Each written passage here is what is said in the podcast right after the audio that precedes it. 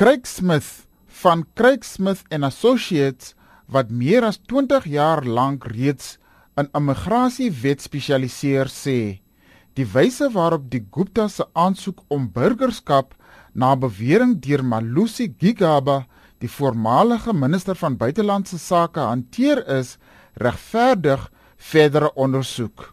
Some of the questions that remain would be what were the exceptional circumstances that the minister alludes to in awarding the South African citizenship and overriding the lack of ordinary residence in the Republic, meaning the 90-day absence rule which the minister has obviously overridden. What were the exceptional circumstances? We don't know because none of those exceptional circumstances are alluded to in the minister's change of decision. Die ekonomiese vryheidsvegters beweer dat Gigaba in sy vorige rol by buitelandse sake onwettig burgerskap aan die Guptas toegeken het. Volgens Smith kan naturalisering onder die volgende omstandighede toegestaan word. There are three categories of South African citizenship. South African citizenship by birth, South African citizenship by descent, and lastly South African citizenship by naturalization. The matter we are talking about is South African citizenship by naturalization. This particular application, it seems to me,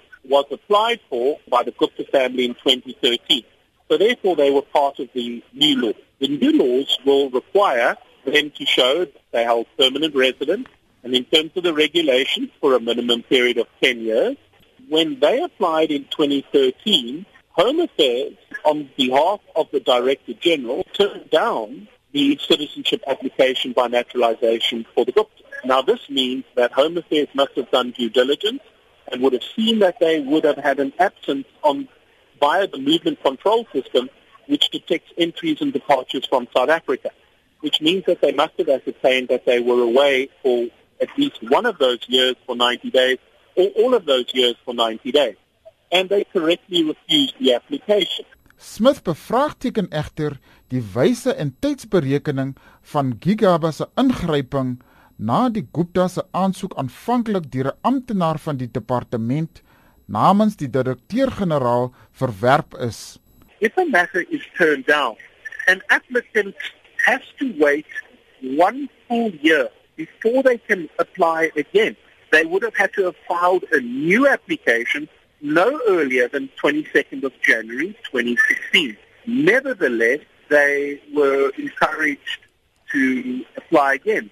But I don't get the sense that there was in fact a new application. Then, strangely, the minister intervened and grants the Gupta's African citizenship. He is empowered to do that in the event of there being exceptional circumstances. What seems to be quite interesting and peculiar is the reference the minister makes to some representation that the Guptas made on the 22nd of July 2014, which is strange because they applied in 20, the chron- chronology of events is they applied in 2013, they then were only refused in 2015, yet they made representations before the decision could even have been made. So this, this is already strange.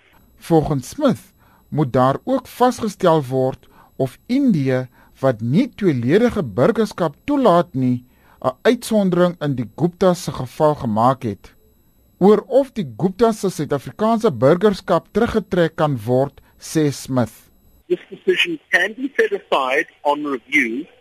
I mean, if this decision was shown to be unlawful, was shown to be irrational, if it was shown to be bias, there was an element of bias in this decision, if there is an obvious sign that the minister failed to apply his mind properly to this matter, it seems to me that this matter was dealt with in a in a manner that is not the norm.